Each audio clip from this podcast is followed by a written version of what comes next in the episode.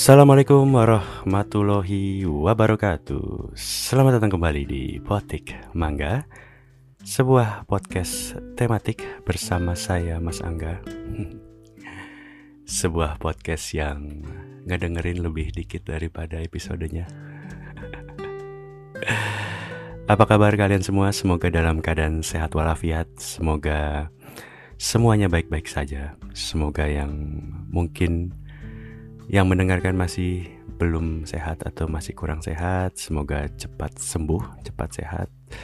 Terima kasih sudah memilih potik mangga sebagai salah satu cara untuk membuang waktu lo. BTW udah pada vaksin belum lo? Um, vaksin lo apa nih kalau boleh tahu? Geng Sinovac, geng Pfizer atau AstraZeneca mungkin? Uh, vaksin adalah sebuah cara ya salah satu cara lah untuk bisa kita mengatasi pandemi ini. Jadi ya buat lo yang belum vaksin monggo lah tolonglah segera dilakukan vaksinasi itu.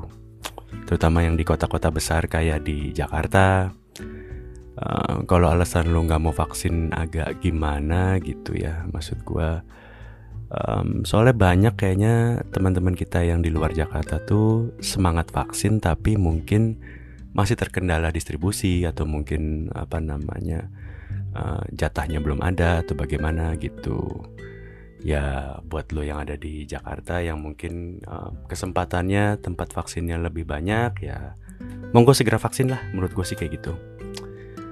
Dan buat lu yang mikir vaksin cuman bisa buat masuk mall doang ya kayaknya gimana gitu ya. Vaksin itu kan intinya mencegah supaya lu bisa atau salah vaksin itu mencegah supaya kalau lu nantinya kena covid uh, efek yang dikenakan ke badan lu tidak terlalu parah. Kurang lebihnya kayak gitu sih.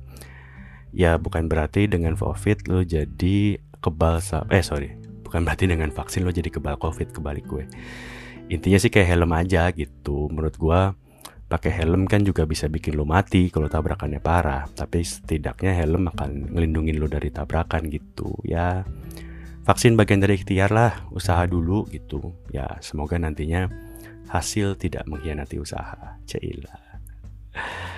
Ya walaupun emang sih di banyak tempat tadi kayak gue bilang di mungkin di luar Jakarta kalau lo mau vaksin masih panjang antriannya sementara dosis dan tenaga kesehatannya juga terbatas. Jadi ya emang ada beberapa wilayah yang memang harus dulu-duluan hadir gitu atau bahkan sudah datang tapi antriannya agak panjang gitu. Ya mungkin kalau emang Jakarta sudah mencapai target bisa jadi kali ya tenaga medis yang ada di Jakarta didistribusikan juga ke wilayah lain di Indonesia gitu. Karena supaya lain daerah kayak di luar Jakarta gitu ya vaksinasinya juga bisa dipercepat gitu kasihan sih kalau misalnya kadang-kadang ngelihat beberapa daerah memang uh, perkembangan vaksinasinya masih agak pelan gitu menurut gua Uh, bicara mengenai vaksin, kemarin juga sempat menjadi viral salah sebuah video yang menggambarkan antrian pada saat vaksin. Tapi ini viralnya bukan karena antrian yang panjang atau karena habis stok vaksin. Jadi viral video ini sejumlah murid atau santri dari sebuah pondok pesantren yang sedang antri mau vaksin. Mereka menjadi viral karena pada saat mereka mengantri mereka menutup telinganya. Konon agar tidak mendengar musik yang sedang diputar di lokasi vaksinasi tersebut. Um, menurut berita yang gue baca, alasan utama kenapa santri itu para para santri yang sedang menunggu itu menutup telinganya karena para santri itu adalah para santri penghafal Al-Quran. Jadi mereka menutup kuping mereka karena tidak ingin hafalan Qurannya terganggu akibat musik yang diputar. Tentunya yang bikin viral adalah para netizen yang mungkin menyebarkan tanpa tahu apa alasan dibaliknya. Kan biasa ya netizen yang penting maha komentar aja dulu gitu. Jadi netizen yang hanya melihat video itu tanpa mencari tahu perilaku itu kenapa atau siapa para santri itu terlanjur komen di sosial media dan membuat uh, apa ya komentar-komentar yang mengecap bahwa santri itu santri yang radikal lah atau mungkin Taliban lah ekstremis lah kurang lebihnya kayak gitu sih Pertama gue mau bilang kalau gue nggak setuju sama sekali dengan cap radikal atau cap apa pun itu yang negatif terhadap santri-santri itu ya. Walaupun mereka menutup telinga demi nggak dengerin musik. Menurut gue apa pun alasannya. Apalagi setelah gue tahu gitu ya dan gue baca alasan mereka karena mereka adalah santri penghafal Quran yang tidak mau hafalan Qurannya terganggu karena suara musik. Karena menurut gua, siapa pun apa pun profesinya bisa aja menutup telinga pada saat musik diputar. Gini gini gini. Gue coba tarik dulu ya, maksud gue kita coba kesampingkan dulu dari berita para santri yang nutup kupingnya pada saat musik diputar. Jadi gue coba uh, pindah ke diskusi di mana musik secara umum. Uh, musik menurut gue adalah sebuah hal yang sangat personal. Musik itu masalah selera dan ketika kita bicara selera itu adalah sebuah hal yang tidak bisa diperdebatkan. Mau sampai kiamat juga nggak ngaruh gitu. Karena buat lu enak, buat gue belum tentu. Dan sebaliknya, buat gue enak banget, belum tentu buat lu enak gitu. Bahwa mungkin ada sebagian musik atau penyanyi yang lagunya bisa dinikmati oleh mayoritas orang ya pastinya ada. Selera umum gitu kurang lebihnya. Tapi gue pastikan bahwa akan ada orang yang tidak suka sama musik itu Artinya meskipun musik itu hits, musik itu nomor satu di chart paling enak, paling banyak diputar, paling laris Akan ada selalu orang yang tidak suka dengan musik-musik yang tadi gue sebut Karena selera musik itu banyak faktornya gitu. Ada faktor keluarga mungkin, um, apa ya faktor lingkungan, ada yang faktor bahasa gitu. Banyak banget sih faktornya gitu. Ada yang suka musik dari genrenya, misalnya uh, musik pop, musik rock, uh, musik jazz, apa R&B, hip hop, musik klasik gitu. Banyaklah genre-genre lain yang mungkin gak gue sebutkan satu persatu karena gue tidak hafal juga. Btw genre atau genre sih? Maaf ya kalau gue nyebutnya genre biar gampangnya di lidah. Semoga dimaafkan. Um, ada doyan musik yang berdasarkan era musik gitu misalnya uh, musik tahun 80-an, 90-an, 2000-an atau mungkin lebih lama lagi tahun 60 70-an. Jadi secara timeline selera musiknya berhenti di sebuah waktu gitu. Mau jenisnya apa pun, kalau dari era waktu tersebut dia akan doyan-doyan aja gitu. Ada juga yang misalnya dari apa ya bahasa gitu musiknya. Ada yang sukanya lagu Indonesia, ada yang sukanya lagu bahasa Inggris, dan sekarang ada yang suka lagu Korea atau K-pop gitu. Ya, menurut gue sih sah-sah aja gitu karena musik adalah sebuah bentuk komunikasi. Jadi wajar kalau orang yang suka musik karena musiknya dia ngerti Mas gue liriknya dia ngerti gitu karena ada orang yang nyaman mendengarkan musik ketika dia paham dengan liriknya gitu uh, makanya kalau lo tahu gitu ya menurut gue di Indonesia lagu daerah itu bisa sangat populer karena memang pasarnya gede banget sih. Uh, contohnya lagu Jawa gitu almarhum Didi Kempot misalnya. Mungkin lo baru tahu Didi Kempot karena dia waktu itu uh, ada di YouTube-nya Gofar Hilman yang ngobam. Dia ngobam apa sih ngobam? Ngobrol bareng musisi gitu di YouTube-nya Gofar Hilman. Sampai akhirnya kalau nggak salah viewersnya bagus banget sampai kalau gua nggak salah organisernya Synchronize Vice ngajak Didi Kempot untuk manggung di 2019. Tapi buat sebagian besar orang di Jawa, Jawa Tengah, Jawa Timur gitu ya, atau mungkin Yogyakarta juga, anak-anak mudanya tuh tumbuh nongkrong, jatuh cinta, patah hati pakai lagunya Didi Kempot gitu almarhum Didi Kempot gitu intinya lagu Didi Kempot ini dengan lagu bahasa Jawanya ini sangat populer di kalangan mas-mas Jawa di berbagai usia gitu karena pasar bahasa Jawa itu gede banget gitu.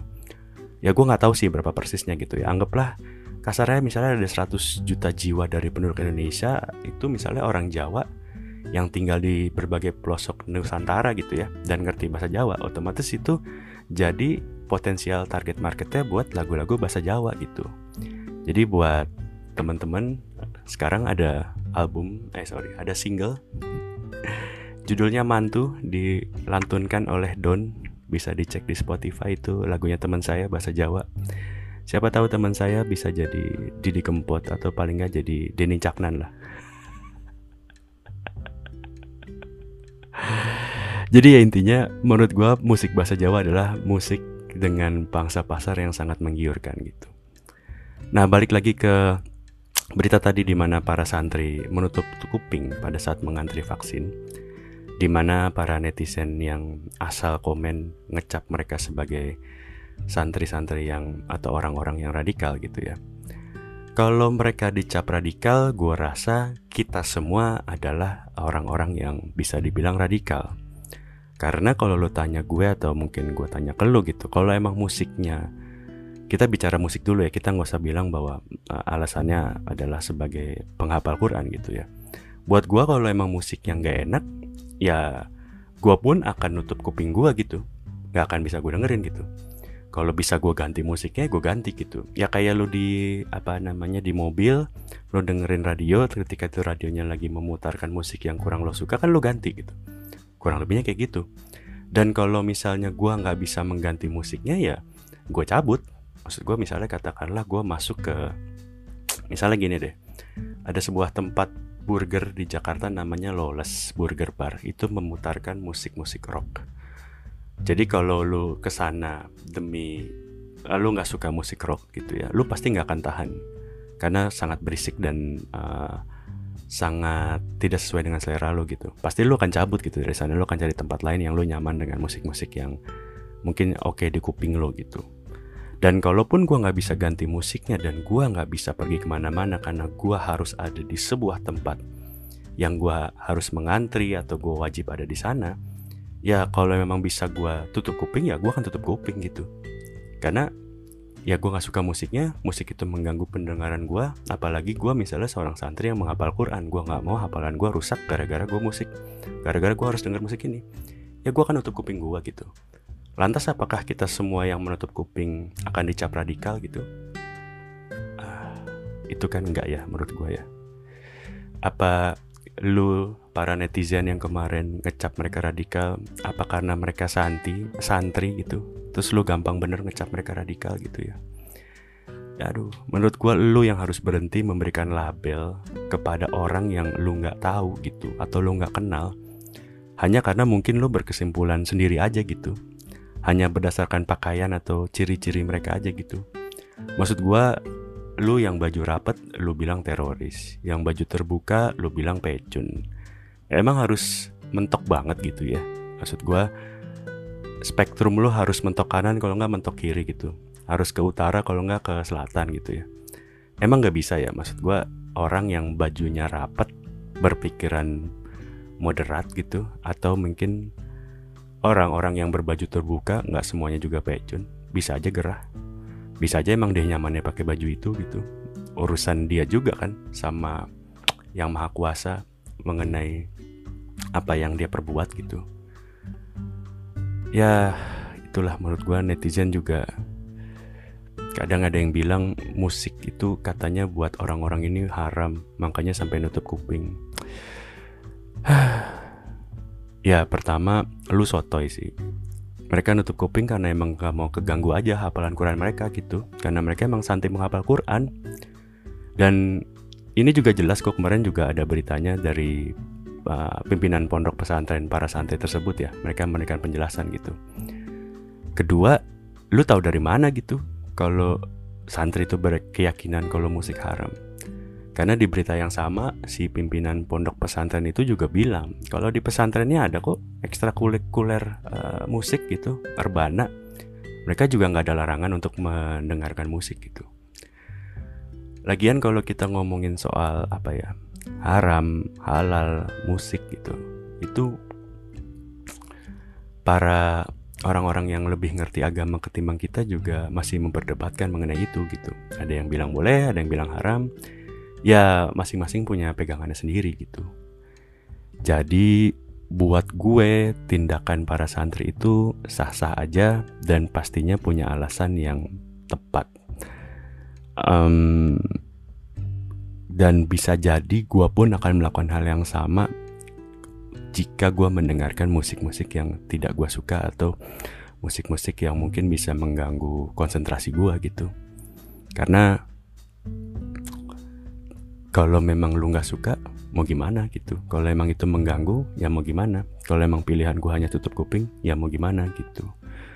Ya kalau gue bisa bawa headset lebih baik. Gue bisa setel musik yang lain gitu kalau emang bawa. Dan lagian gak usah lah lu ngomong-ngomong musik-musik haram atau apa gitu. Maksud gue uh, ranah perdebatannya tuh menurut gue nggak situ gitu. Dan lagian kalau menurut gue memang benar apa yang misalnya kalau lu masalah selera lu bisa aja nggak suka gitu dan sebagai penutup dari episode kali ini saya izinkan mengutip sebuah quotes atau sebuah kalimat karya Soleh Solihun di mana dia bilang musik itu haram kalau jelek. Bukan kata gue ya, kata Soleh Solihun. Ya sudah, itu aja episode kali ini. Intinya jangan lupa vaksin. Ingat vaksin bagian dari ikhtiar untuk kita melawan pandemi. Semoga kita semua sehat dan bisa melalui pandemi ini dengan baik-baik saja. Terima kasih sudah mendengarkan. Bila taufik wal. Assalamualaikum warahmatullahi wabarakatuh.